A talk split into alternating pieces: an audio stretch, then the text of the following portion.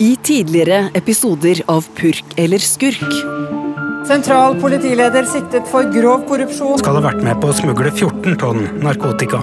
Jeg minnes vel att eh, det fanns vapen overalt i huset. Men han var jo purk på sin hals.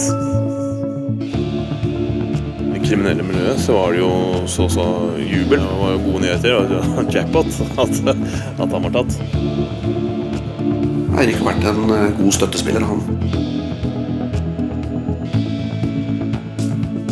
Du hører på Purk eller skurk, en krimpodkast fra NRK Nyheter med Runar Henriksen Jørstad. Episode 9. I tre og et halvt år har Jensen-saken gnagd meg. Jeg har grubla og lett etter svar på om en av Norges mest betrodde politimenn kan ha gjort det han var tiltalt for. Mandag 18. september skulle vi få vite det. Om Eirik Jensen er purk eller skurk. Erik Jensen her, jeg kommer fra den Purk eller skurk-podkasten. Kan jeg stille deg spørsmål Nei, nå jeg- har jeg nok med meg sjøl, holdt jeg på å si, så nå må jeg bare vente. Skjønner jeg. Du å si noe bare om hvordan du har det nå? Nei, det tror jeg du ser.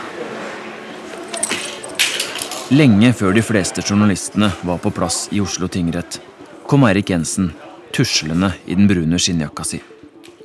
Han var ikke særlig pratsom da kollega Ellen Borge Christoffersen møtte han, og det kan jeg jo forstå. Mange har hatt sterke meninger om Jensen er skyldig eller ikke. Men det er dommerne som bestemmer. Da er retten satt. Dommen er enstemmig. Selv om jeg ikke var tiltalt i den saken her, og ikke hadde noe å frykte, merka jeg at pulsen begynte å stige. Jeg har aldri vært så spent og usikker før en domsavsigelse noen gang. På bakgrunn av ovennevnte kan retten ikke se det annerledes enn at saken her treffer lovgivers intensjon om lovens strengeste straff, hvoretter straffen fastsettes til fengsel i 21 år. 21 år. Landets strengeste fengselsstraff. Jeg innrømmer at jeg ble overraska. Og det som overraska meg, var hvor tydelig dommen var. Nå lurer jeg på hvordan de vi har snakka med tidligere i Purk eller skurk, reagerer på dommen. Da er jeg på vei til Nesodden igjen. Jeg nok en gang inviterte invitert meg selv hjem til eh, Einar Holst, klassekameraten og naboen til eh, Eirik Jensen i mange år. Som du kanskje husker fra episoden eh, Einar Holst var med i, så sa jo han at eh, Eirik er hel ved, han er ikke skurk. Jeg vet at Einar Holst har fulgt eh, rettssaken tett. Og det jeg lurer på, er om han fortsatt er overbevist om at Eirik Jensen er uskyldig. Mens jeg kjører den svingete veien til Nesodden, har vi tid til å snakke om det jeg har lurt aller mest på i denne saken. Hvordan Eirik Jensen hardnakka kan påstå at han ikke visste hva Gjermund Cappelen drev med. Altså å innføre hundrevis av kilo med hasj til Norge hvert eneste år. Vi kan først høre hva Jensen sa i den forrige episoden, da jeg intervjua han på et lite pauserom etter den nest siste dagen av rettssaken nå i våres. Du trodde ikke han drev med hasjsmugling? Nei, jeg trodde faktisk at han hadde funnet en eh, litt mer eh, lavrisiko måte å, å tjene penger på. Men visste han drev med det før? Ja, han har ikke lagt skjul på at han drev med det før. Du trodde han hadde slutta, er det det som er riktig? Ja, jeg trodde han hadde sluttet, og at han hadde funnet andre veier å tjene penger på. Hva trodde du Gjermund Cappelen drev med? Ja, Det er et godt spørsmål. Jeg har vel en følelse av at ene øyeblikket så har han spilt på travbanen. Andre øyeblikket så har han drevet med eiendomsutvikling, han har drevet med klokker.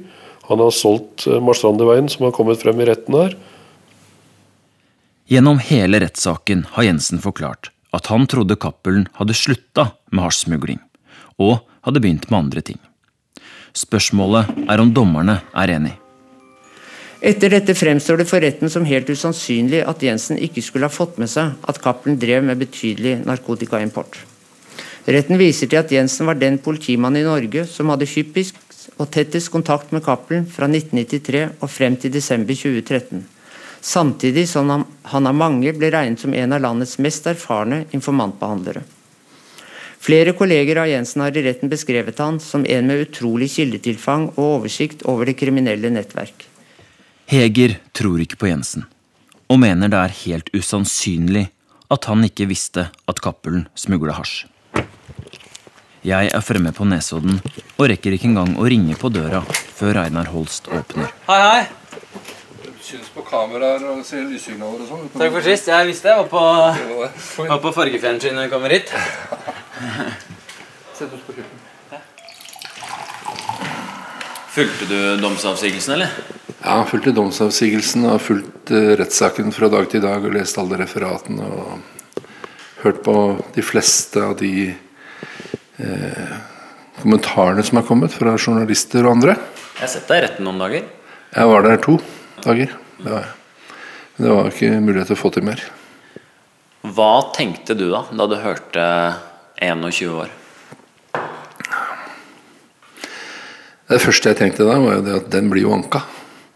For det er helt feil. Så enkelt er det. Du tror ikke på det?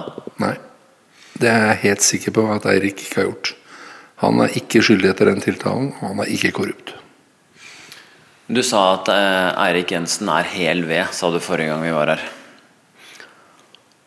Har du hatt dine stunder der du har tvilt litt underveis? Ikke ett sekund. Hvordan er det mulig? Nei, for Jeg kjenner gutten fra, fra barndommen av. Jeg kjenner familien hans. Jeg har fulgt med på han gjennom alle de årene han har jobbet i politiet. Det har ikke vært noen tegn som tyder på at Eirik har vært på den gærne sida eller mottatt penger eller ytelser eller noen ting. Han har jo aldri flasha noe som helst. Men det er jo en del rare ting her, da. Hva da? Men hva skjer inni kroppen din når du hører 21 år? Nei, Da blir jeg bare fryktelig lei meg og sier at her har dommerne lagt en notorisk løgners forklaring til grunn. Det er ikke ett eneste bevis. Det er ikke Ingen har sett at han har fått noe. Ingen kan dokumentere at han har fått noe. Det Cappelen sier at han har, gjort det, men det er klart han må jo si det. Men han har jo alt å vinne på å ljuge hele tiden. Men egentlig, sånn jeg forstår deg, så kunne det kommet frem hva som helst i retten, egentlig, fordi du tror på Eirik Jensen uansett? Ja, jeg er helt sikker på at Eirik Jensen ikke er korrupt. Hva skal til for at du tror noe annet? Da Da må han innrømme det, eller? Ja, Da skal han få lov til å sitte og si meg det ansikt til ansikt. Selv da vil jeg ha mine tvil. I may be wrong, står det på T-skjorta di. Har du tenkt over det? At du kanskje tar feil? Det står noe mer der også. Hva da? But it's highly unlikely. Og det er ikke tilfeldig valgt T-skjorte i dag. Så du er sikker på at du har rett? I denne saken er jeg ganske sikker på det. ja. Det finnes ikke ett eneste bevis, hørte vi Holst si. Det er riktig at ingen har sett Eirik Jensen stå med et grønt flagg på Svinesund og vinke Cappelens hasjlaster trygt inn i Norge. Det finnes heller ingen video av Cappelen, som ringer på døra hos Jensen og gir han en koffert full av penger. Derfor skal vi se på noen av bevisene og høre hvordan dommerne har vurdert dem. Vi begynner med de rare SMS-ene. De har nesten blitt symbolet på hele denne saken. Men hva betyr de? Stille og sol. Feriemodus over hele linja. Kontoret er tynt bemanna. Og av 100 påmeldte møtte kun 90. Mens Cappelen mener de aller fleste SMS-ene handler om penger og hasjinnførsler, sier Jensen at de fleste handler om reelle situasjoner. Kildeopplysninger fra Cappelen. Maskert bak det han kaller blomsterspråk. Slik forklarte han det i en tidligere episode. Stillemeldingene det er en kommunikasjonsform som han og jeg har hatt, og den relaterer seg til det jeg har sagt i informantvirksomhet. Hva betyr stille, da? Det stille, det betyr det kan, Hvis du hekter på et spørsmålstegn, så kan det være en henvendelse i Cappelen om det skjer noe. Altså Det kan være det stikk motsatte. Det betyr iallfall ikke at eh, kysten er fri, grensene er åpne, du kan gjøre hva du vil. Det er å dra det utrolig ut av, eh, av sammenheng. Og Det er det man, jeg mener at man har gjort. Retten har forsøkt å se SMS-utvekslingene mellom Cappelen og Jensen i lys av Jensens forklaring, men kan ikke se noen rimelig og logisk mulighet for å kunne legge Jensens forklaring til grunn. Etterforskningen og bevisførselen har vist at det ikke er noen sammenheng mellom stille- og solmeldinger fra Jensen til Cappelen og eventuelle saker som Jensen holdt på med, informantobjekter Cappelen skulle snakke med, eller meldinger i Indicia. Indicia er politiets kriminaletterretningsregister, der det bl.a. legges inn informasjon om kriminelle. Det er kun med Cappelen at Jensen benytter det såkalte blomsterspråk. Dette står i kontrast til Jensens forklaring i retten om at det var vanlig å benytte blomsterspråk med hans kilder. Her er ett eksempel på hva retten mener SMS-ene betyr. I flere SMS av 9.12.2009 fra Jensen til Cappelen heter det Hei, av 100 påmeldte møtte kun 90. Meldingen er sendt etter et møte samme dag mellom Cappelen og Jensen, og to dager etter at Cappelen mottok en last på 400 kilo hasj. Cappelen har i retten forklart at han på dette møtet mente å gi Jensen 100 000, men at Jensen i meldingen tydeligvis mener kun har fått kroner 90 000. Jensen har i politiforklaringen, politiforklaringen om dette sagt at meldingene sier ham ingenting. I retten har han forklart at meldingene er en kode for datoen 10.9, og at dette hadde med pågripelser i Sverige å gjøre, tilknyttet en smugleroperasjon Cappelen skulle ha gitt informasjon om. Etterforskningen har vist at det ikke har skjedd noe i politiet eller andre steder, herunder i Sverige, den 10.9.2009 som Jensen og Cappelen var involvert i.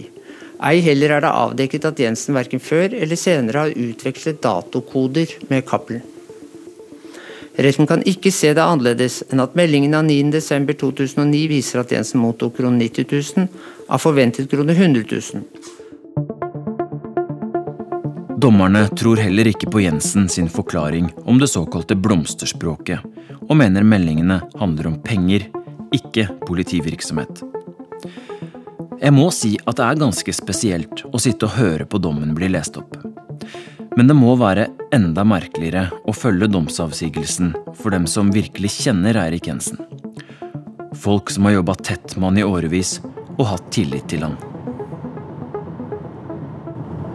Øyvind Norgarden var eh, sjefen til Eirik Jensen i nesten ti år. Og han var den aller første jeg intervjua da vi begynte å jobbe med Purk eller skurk for eh, nesten ett år siden. Og da jeg intervjua han da, så husker jeg han sa at han hadde stolt 100% på Eirik Jensen. Aldri hatt noe mistanke mot han om at han skulle være en skitten politimann. Men da jeg snakka med han eh, på telefon her om dagen og spurte om jeg kunne få komme og treffe han igjen, så hørtes det ut som han nå hadde begynt å tvile.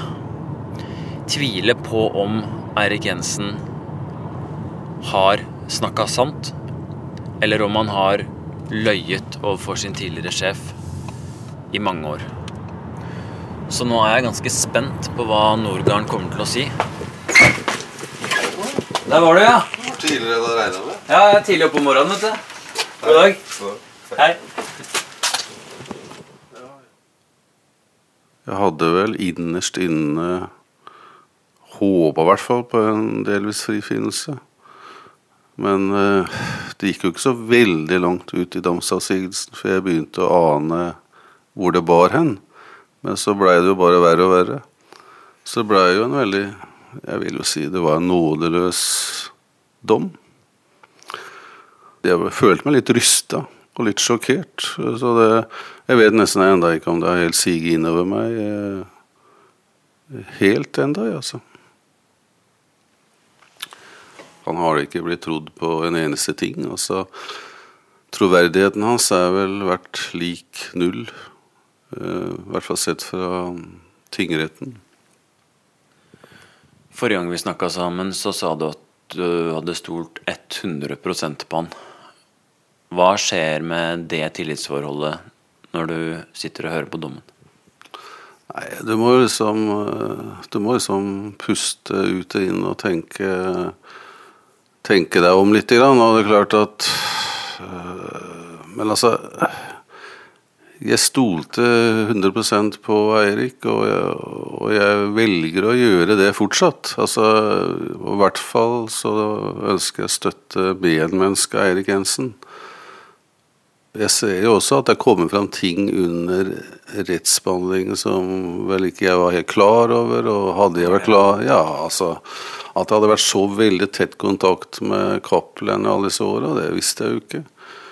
Og at han har hatt for tett kontakt som ikke har vært helt uh, sunn, det er jo åpenbart for de fleste.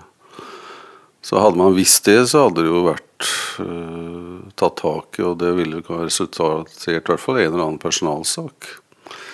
Um, så jeg ser det, men på en måte jeg syns liksom det var et stykke derfra til det han var tiltalt for. Jeg hadde ingen indikasjoner på at han drev med noe som man i dag kaller at uh, møkkete. Fra 2000 til 2011 så skal det ha kommet seks varsler om Eirik Jensen. Ble du noen gang varsla, da? Jeg kan ikke huske at jeg fikk noe varsel i det hele tatt. altså Nå sies det at Asker og Bærum varsla i sine systemer rundt 2000 sånn som du sier. Eh, Einar Aa sier at han varsla nærmeste sjef i Asker Bærum i 2003. Men det kom i hvert fall aldri fram til Oslo. Eh, jeg hørte eh, aldri om det. Men Er det ikke litt rart at du aldri fikk høre noe, du som, han, som var hans sjef? Jo, jeg syns det. Det syns jeg er rart. Så det, det har jeg ikke noe godt svar på hvorfor ikke det skjedde. Men det er jo ikke bare jeg som uh, sier det. altså Jeg tror Iver Stensrud ble vel spurt om det i retten. Hvor han heller ikke kunne huske å ha mottatt noen sånne signaler. og Sveinung Sponheim har vel sagt det samme. Roger Andresen har sagt det samme. Uh, Hansa Gjengdal har sagt det samme. Og jeg tror Det er vel ikke sånn at vi sitter og ljuger alle sammen. altså Vi sier sånn som i hvert fall vi husker det. Jeg vil jo gjerne tro på Eirik fortsatt. Eh, sånn at uh, hele magefølelsen min sier at uh, dette ikke kan stemme. Men samtidig så er det klart at med en sånn, sånn tydelig dom, så vil man jo gå litt inn i seg sjøl og tenke Har man blitt lurt, liksom? Det er klart man stiller seg, og det er i hvert fall fornuftig å stille seg det spørsmålet. Men er du redd for at han har lurt deg hele veien? Altså Jeg tror på en måte jeg ville sitte og ljuge hvis jeg sa at jeg aldri ville slå meg. Selvfølgelig så vil det slå en litt når man får eh, en så detaljert nådeløs dom som man nå har fått. Som man i hvert fall, Jeg stiller meg selvfølgelig det spørsmålet, men og foreløpig må det henge litt i lufta. Men jeg, jeg ønsker veldig å, å tro på den. Har du snakka noe med Jensen eller etter dommen? Altså, Eirik og jeg vi har en del sånn SMS-kontakt, og vi har hatt det. Og jeg tror det er litt uvirkelig for han òg at han Så er det klart at selvfølgelig er han langt nede akkurat nå. Hvordan påvirker det her vennskapet mellom to personer, en sånn, eh, en sånn foreløpig dom? Jeg tror det kan bli satt på prøve.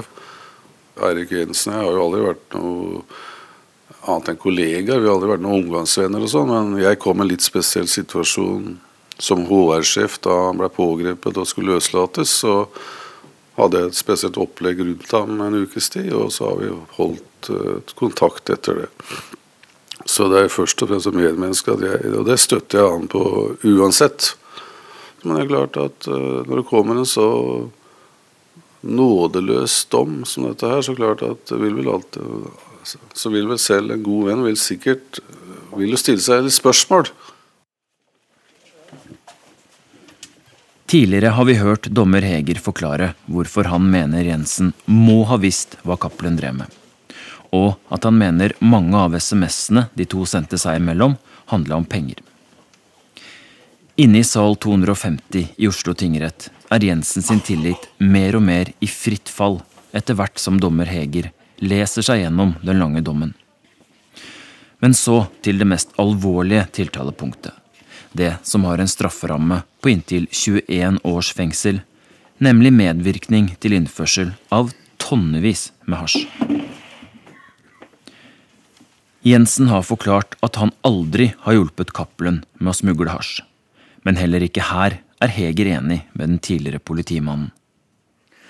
Som eksempel viser retten til en meldingsutveksling i 2009, da Jensen var leder i SO. Jensen og Cappelen er enige om at Cappelen hadde kjøpt et par Nokia 173 krypteringstelefoner, og at Cappelen ga den ene til Jensen. All sikret kommunikasjon mellom Cappelen og Jensen for 2009 er på denne krypterte telefonen og det er avdekket 133 SMS mellom dem. Det er videre avdekket at Cappelen kun har brukt denne telefonen til tre nummer på hans telefonliste. Jensen, en Mr. Good og en leverandør i Nederland. Cappelen har forklart at Jensen er Mr. Good. Jensen nekter for dette.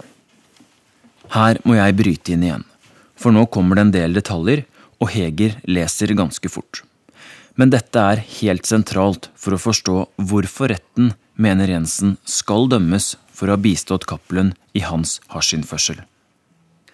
Onsdag 2.12.2009 klokken 14.34, mens Cappelen var i Thailand, sendte han melding til Jensen på den krypterte N73. Hallo, hvordan går det? Er fortsatt på tur. Hjemme mandag.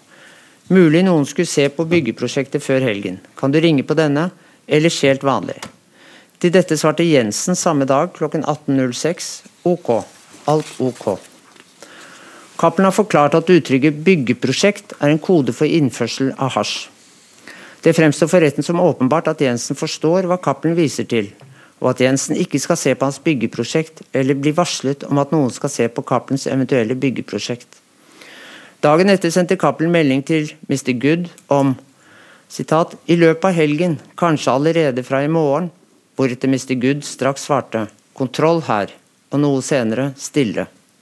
Fredag 4.12. sendte Mr. Good fire meldinger til Cappelen om 'stille' og 'stille som i graven', og en melding på lørdag 5.12.2009 om 'stille som i graven'. Søndag 6.12. sendte Cappelen melding til Mr. Good om 'hjemme, tror de er på plass', og Mr. Good svarte straks 'ok'.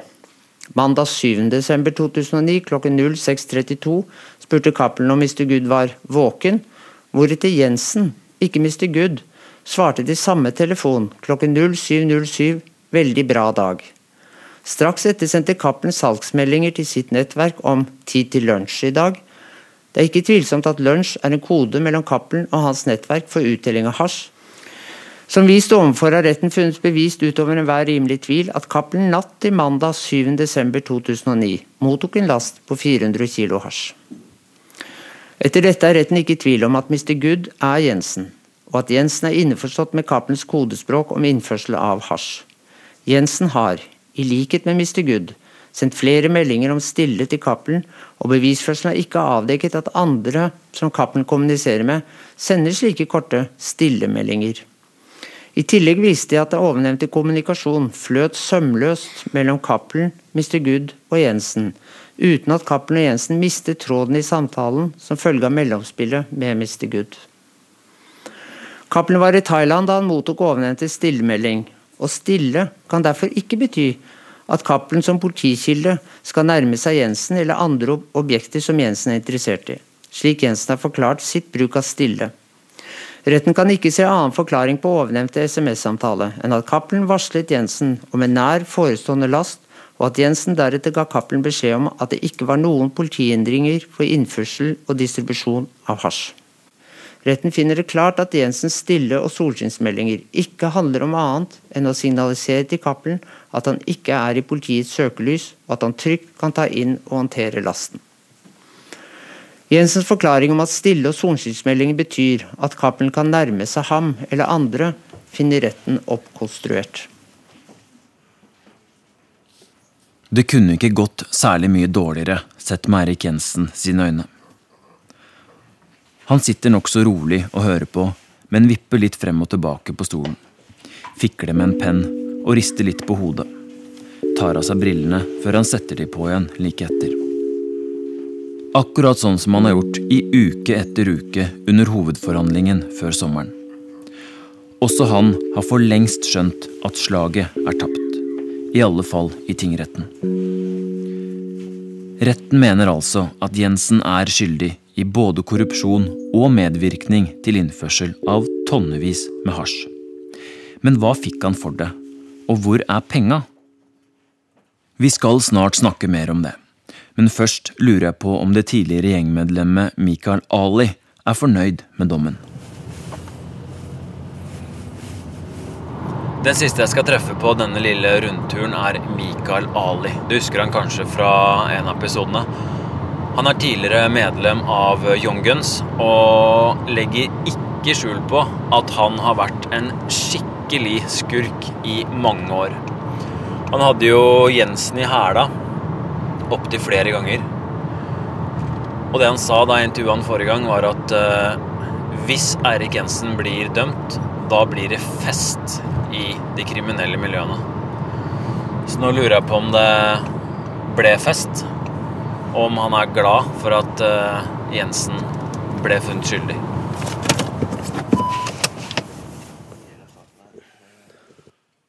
Hvordan har reaksjonene vært da?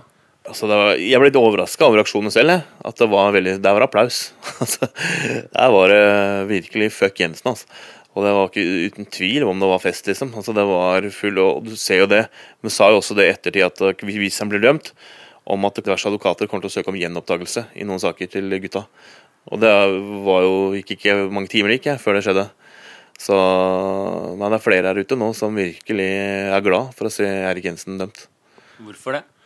Si, han var jo en skikkelse i politiet da, som fikk mange av gutta dømt. Uh, man skulle jo tro at det var et rent spill, da, siden han er politimann, liksom, men så viser det seg at han var kriminell. Han har dritt med kriminell virksomhet, han også. Uh, og da En del som stiller seg spørsmål, da. Også, okay, hva, hva, slags in, i dem sine saker, da, hvordan han var involvert, og om kanskje det var noe motiv der. da. Så, så det er det nå ønsker å se etter. Eh, sant, for å være helt ærlig, pluss at de er bare glad for at han er dømt fordi han er politimann. rett og slett, for å si det rett ut. Eh, det er den holdninga som er. Det er dem, eller det er politiet mot oss, da. Så, ja. Men hvem er det som nå er glad, da? Det er miljøer som har hatt Erik Jensen i hæla. Bare én ting vil jeg også nevne i forhold til det. Jeg tror 100 at Erik Jensen er skyldig. Det er min mening. Eh, for jeg syns dommen var veldig veldig grundig òg.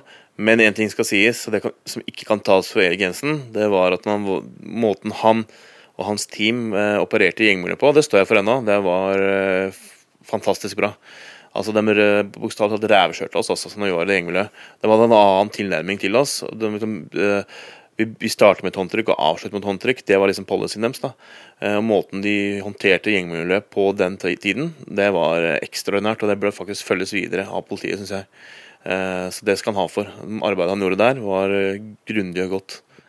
Men du tror det er kriminelt prat, det Jensen og Cappelen har drevet med? Ja, uten tvil. Uten tvil så er dette kodeord for kriminelle ting. Det, det, er jeg rimelig sikker på. Jeg finner det veldig merkelig, og han som har skrevet den håndboka, det å behandle informanter, det hvordan man går fram i sånne ting, at han selv bruker sånn solfaktor og det ene og andre kodeordet. Altså, det, er, det er typisk kriminell atferd. Altså, spør hvem som helst som har vært kriminell eller er kriminell. Hva slags kode brukte du, da? Ja, Det vil jeg ikke gå inn på. det, det får bli. Men det var eh, bananer og andre ting? Bananer og andre ting, og møtes her og ta en kopp kaffe der, og mange kilo Altså alt fra kilo bananer til eh, altså helt sånn absurde ting når du tenker tilbake i ettertid. Men, eh, men trodde jeg det var smart der og da, da. Så lenge du ikke snakka om at det var kokain eller hasj du snakka om. Nå er jo ikke den dommen er rettskraftig ennå, for den blir jo anka. Men uh, hva tenker du om at en uh, så høytstående politimann nå har fått 21 år av tingrettene? For å være helt ærlig, eh, det første jeg tenkte var at jeg følte litt avsmak. Jeg legger ikke skjul på, skjul på at jeg var tidligere kriminell, eh, men nå som jeg har trukket meg ut av miljøene Selv om jeg var kriminell, så hadde jeg respekt for politiet som var ærlige. Det var noe ærligheten de sto for. Altså, Den var ikke sånn som oss. Jeg visste at jeg var skitten, men jeg drev med ulovlige ting. Men politiet det skal være noe som er veldig sånn hva skal jeg si, Det skal reflektere det beste av samfunnet òg. At det som vi er ærlige, det er det vi står for. Vi, vi gjør de riktige tingene. Eh, følger loven, følger reglene. Tror du Jensen har sjanse i en ankesak, eller er han skurk? Nei, han er skurk. Siste spørsmål. Hva hadde du sagt til Eirik Jensen da, hvis du hadde møtt ham på gata? Jeg ville sagt til Eirik at vet du hva, uh, bare innrøm at du er deg ut. Og så vil du få, få mer støtte, faktisk, Få mer respekt av det. Ifølge tiltalen mot Jensen skal han ha mottatt kontanter, klokker og oppussingstjenester for minst 2,1 millioner kroner av Cappelen over en tiårsperiode. Cappelen mener Jensen har fått rundt 15 millioner fra 1993 og frem til han ble tatt i 2013. Jensen derimot sier han ikke har mottatt en krone eller andre økonomiske goder fra Cappelen.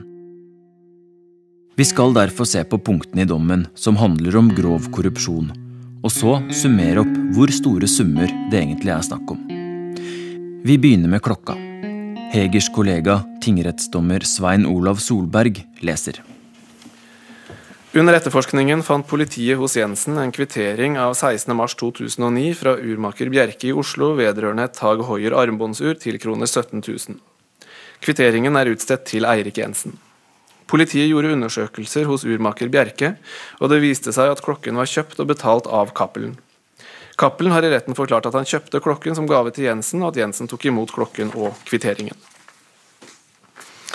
I politiavhør benektet Jensen enhver befatning med denne klokken, men etter at politiet fant hans fingeravtrykk på kvitteringen, erkjente Jensen i retten at han hadde tatt imot klokken som gave fra Cappelen.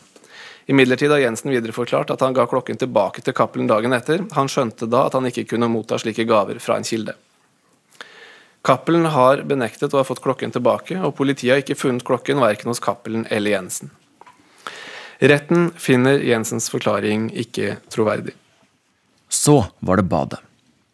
Eirik Jensen må ha norgeshistoriens mest omtalte bad. Nemlig badet han og ekskona pussa opp på småbruket de bodde på. Dette skal ha skjedd midt på 2000-tallet. Spesialenheten mener at Cappelen har betalt for oppussingen av badet, og at verdien på det var på ca. 290 000 kroner.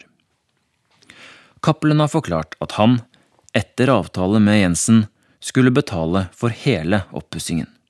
Dette som gjenytelse for Jensen sin bistand i hasjimporten. Jensen er uenig, og sa i retten at Cappelen formidlet kontakt med en håndverker som var ansvarlig for oppussingen av badet, men at håndverkeren forsvant, og at han aldri fikk betalt han de 120 000 de hadde avtalt at han skulle få for jobben. I en perm som inneholder kvitteringer fra oppussingen av badet, ble det funnet en håndskrevet kvittering fra en Frank Olsen. Kvitteringen var på 32 500 kroner. Cappelen har forklart at Frank Olsen-kvitteringen er falsk, og at det er han som har laget den. Jensen har i tidligere politiforklaring avvist kjennskap til Frank Olsen-kvitteringen, men har i senere politiforklaring og i retten erkjent at han fikk denne av Cappelen. Forklaringen ble endret etter at han ble kjent med at Cappelens fingeravtrykk, i tillegg til Jensens Egne fingeravtrykk var funnet på enkelte av underlagsfakturaene. Skriftanalyse fra Kripos har konkludert med at Frank Olsen-kvitteringene sannsynligvis er skrevet av Cappelen. Etter bevisførselen finner retten bevist utover enhver rimelig tvil at Jensen fullt ut var innforstått med at Cappelen skulle besørge og betale for bl.a. baderomsfliser, gipsplater, rørleggerarbeidet og det alt vesentlige av nytt bad på Århus gård. Mens Spesialenheten mener oppussingen var verdt 290 000, har dommerne justert summen ned til 200 000 kroner, som de mener er et forsiktig estimat. Og til slutt var det pengene. Du husker trolig konvolutten med rundt 30 000 kroner oppi, som Jensen fikk av Cappelen i desember 2013. Cappelen hevder dette var en del av den vanlige betalingen til Jensen. Jensen derimot påstår at dette var tilbakebetaling av et lån som han hadde gitt til Cappelen fordi han måtte få reparert girkassa på bilen sin. Heger igjen.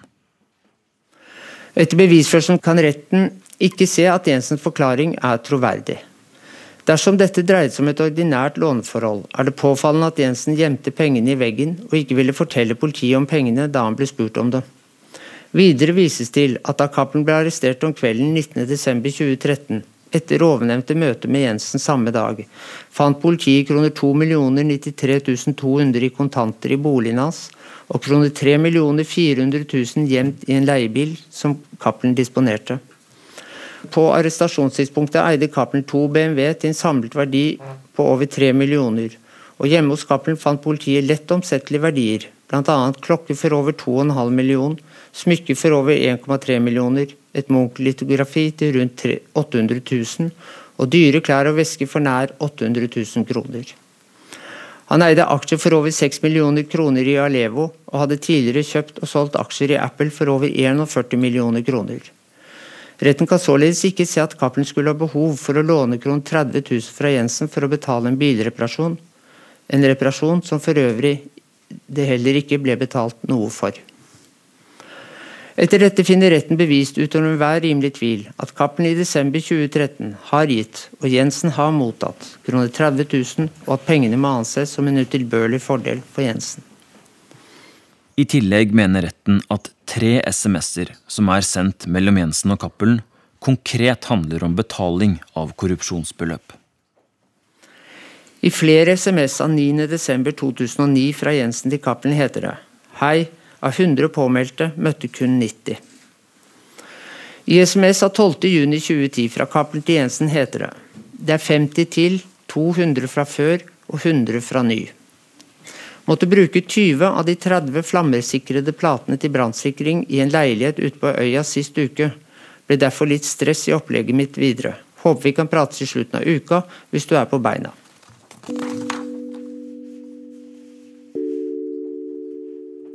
Vi oppsummerer. En Tag Hoier-klokke, reparasjon av en annen klokke, oppussing av et bad, 30 000 gjemt i veggen og 420 000 i betaling. Til sammen mener retten at Jensen har fått penger og verdier for 667 800 kroner. En god norsk årslønn fordelt over ti år. Jensen har forklart at han ofte hadde mye kontanter liggende hjemme. Dette som sikkerhet hvis det skulle skje noe. Spørsmålet er om han har brukt mer penger enn det han kan ha tjent lovlig. Enten som politimann eller gjennom salg av f.eks. biler, båter og motorsykler. I tillegg har Jensen arva en del penger. Retten skriver at de langt på vei er enig med Spesialenheten i at det er vanskelig å forklare finansieringen av Jensens antatte merforbruk og kontantøkonomi med annet enn det de kaller en ukjent kilde. Og at Jensen ikke har kunnet gi noen overbevisende forklaring på hvor han har fått pengene fra. Dommer Solberg leser. For retten ser det ut til at Jensens kontantbeholdning stadig har fått påfyll fra en ukjent kilde, og at han således i mange år har vært i stand til å sette inn betydelige summer i banken og finansiere et overforbruk. Retten er videre enig med Spesialenheten i at Jensens kontantøkonomi og mønster med kontantinnskudd synes påfallende. Retten mener at mye tyder på at den ukjente kilden må ha vært Cappelen. Det vises til at det ikke er fremkommet andre plausible kilder utover, det, utover de det allerede er tatt hensyn til i analysene. Videre vises til at pengestrømmen ser ut til å ha stoppet helt opp i det samme Cappelen ble arrestert, samt at det av og til er kontantinnskudd eller kontantbruk straks etter møtene med Cappelen. Men så kom et av få lyspunkt for Jensen denne mandagen. Retten mener det ikke kan bevises at Jensen har hatt en ulovlig pengekilde. Ved et samlet avvik på rundt 1,6 millioner over ti år, med en omsetning på 17 millioner i samme periode, mener retten det ikke kan konkluderes utover enhver rimelig tvil at det har foreligget en ekstern illegal kapitalkilde. Etter dette legger retten ikke avgjørende selvstendig vekt på privatforbruksberegning, kontantstrømanalyse og oppstillinger over kontantinnskudd ved avgjørelsen av tiltalespørsmålet om korrupsjon. Det var de viktigste bevisene, kort oppsummert og jeg håper du ble litt klokere. I tillegg kommer altså medvirkning til innførsel av snaut 14 tonn hasj. Det er på tide å høre dommernes begrunnelse. Når det, som i herværende sak, dreier seg om en sammenhengende, velorganisert innførsel av nær 14 tonn hasj, hvor Jensens rolle som politimann har vært av stor betydning for Cappelens virksomhet, kan retten ikke se det annerledes enn at forholdet i tiltalen av 6.2.2016 post 1 må falle inn under lovens strengeste straffalternativ. Til den samlede straffutmålingen bemerker retten at Jensens medvirkning til hasjimporten ikke kan betegnes som perifer eller beskjeden. Tvert imot må hans medvirkning anses som en sentral og viktig del av Cappelens hasjvirksomhet. Jensen har gjennom sin medvirkning ikke bare aktivt styrket Cappelens forsett, men også engasjert seg i Cappelens kriminelle virksomhet. Han har holdt seg orientert, og latt seg bli holdt orientert av Cappelen, om konkrete innførsler og den generelle innførselsvirksomheten, og i den forbindelse gitt Cappelen beroligende informasjon og råd.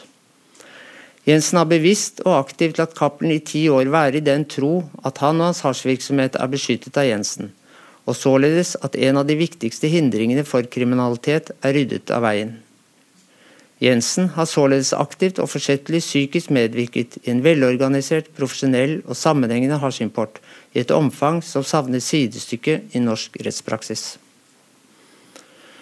Ved straffeutmålingen må retten i skjerpende retning se hen til at Jensen hadde en rekke ledende stillinger i politiet, samtidig som han medvirket til betydelig hasjimport og begikk grov korrupsjon. Cappelens forsvarer har i prosedyren fremholdt at det straffbare forholdet mellom Cappelen og Jensen burde vært avdekket på et langt tidligere tidspunkt, og at saken således kanskje kunne og burde vært stoppet før den utviklet, seg slik den står i dag. Imidlertid kan retten ikke se at det har betydning for straffeutmålingen at ledelsen i Oslo politidistrikt ikke tidligere grep inn og undersøkte forholdene enda nærmere enn det de kanskje faktisk gjorde, til tross for de mange alvorlige rykter og mistanker som i mange år hadde versert om Jensen. Etter dette kan retten ikke se noen formildende omstendigheter. På bakgrunn av ovennevnte kan retten ikke se det annerledes enn at saken her treffer lovgivers intensjon om lovens strengeste straff hvoretter straffen fastsettes til fengsel i 21 år. Samboeren til Jensen har tatt på seg solbriller inn i rettssalen. Men ingen kan unngå å se tårene som triller nedover kinnene hennes. Eirik Jensen, har du skjønt dommen? Jensen nikker når dommeren spør om han har forstått dommen. Så forsvinner han ut av salen. Ja, vi er inne i rettssalen.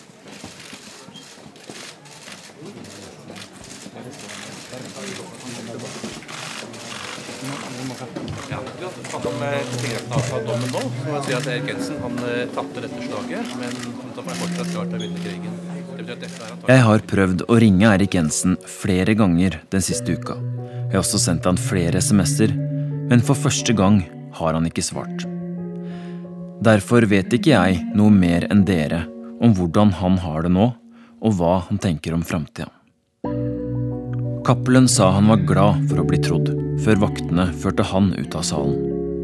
Jeg snakka med han på telefon noen dager senere, men han ville ikke stille til noe intervju.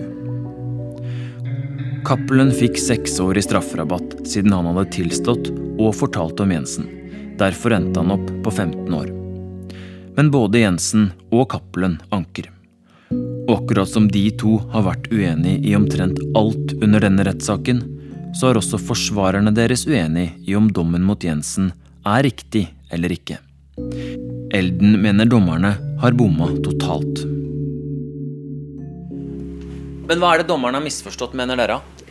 Nei, Vi mener jo for det første at uh, retten har vurdert bevisene feil. altså Den tar et utgangspunkt uh, om hva den mener at Jensen måtte ha visst, ut fra at masse andre politifolk angivelig skal ha en kunnskap om at Cappelen har drevet med kriminalitet.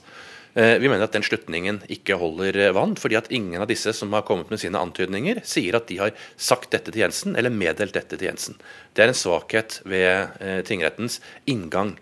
Når vi, når vi, fikk medhold i det økonomiske sporet vårt, nemlig at man ikke kunne legge til grunn overforbruk, så mangler jo også hele inngangsporten til Riksadvokaten for hvorfor han mener at det kan tas ut tiltale her. Men Er det noen vits i å anke en så tydelig dom, da? Ja, helt åpenbart, for den er jo like tydelig på frifinnelse. Men klokker og bad, da? Tror du man kommer unna med det? Ja, Der er det en konkret bevisvurdering da, eh, som eh, ligger, eh, og hvor retten har lagt til grunn at Cappelen har betalt et visst beløp til denne rørleggeren, som da det ikke finnes noen dokumentasjon for. Vi noterer det, og det er Jensen uenig i. Han vet i hvert fall ikke noe av dette for sitt vedkommende.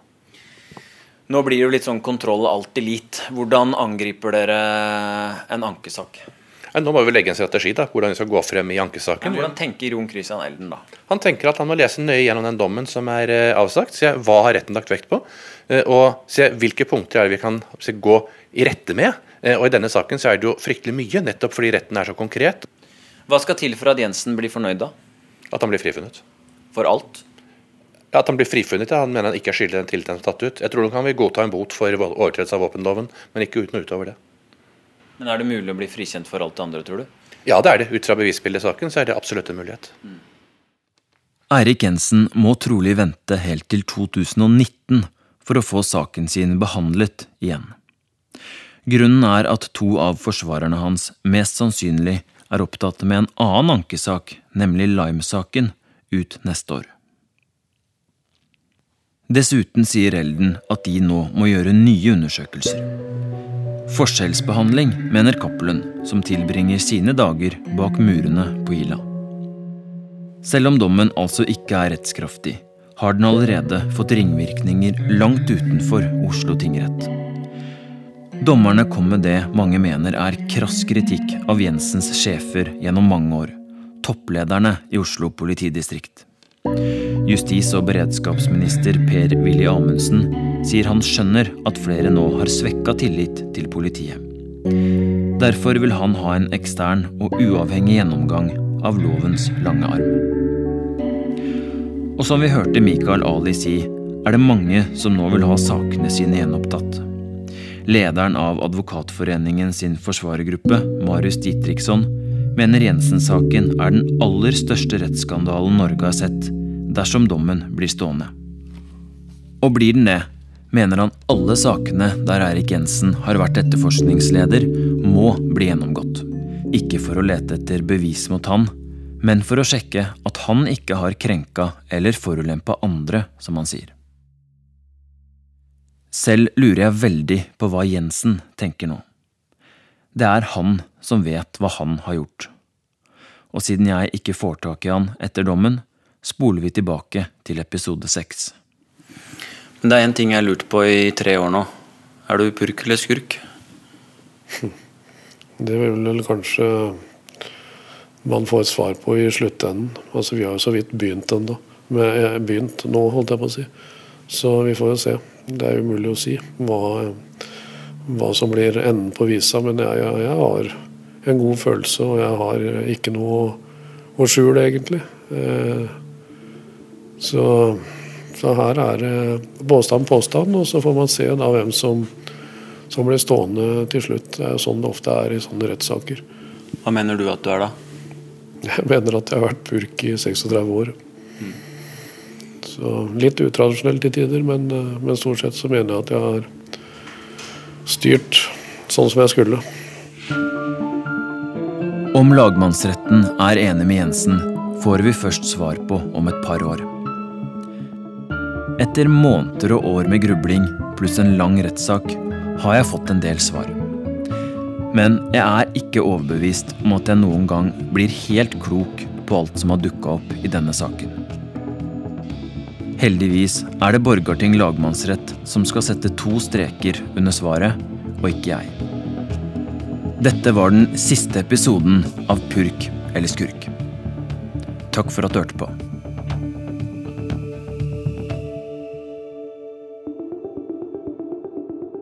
Vi som lager Purk eller Skurk, heter Runar Henriksen Jørstad, Lillian Grønning, Martin Giæver og Irina Kjelle. Musikken den er av Jane Kelly og Sindre Hotvedt.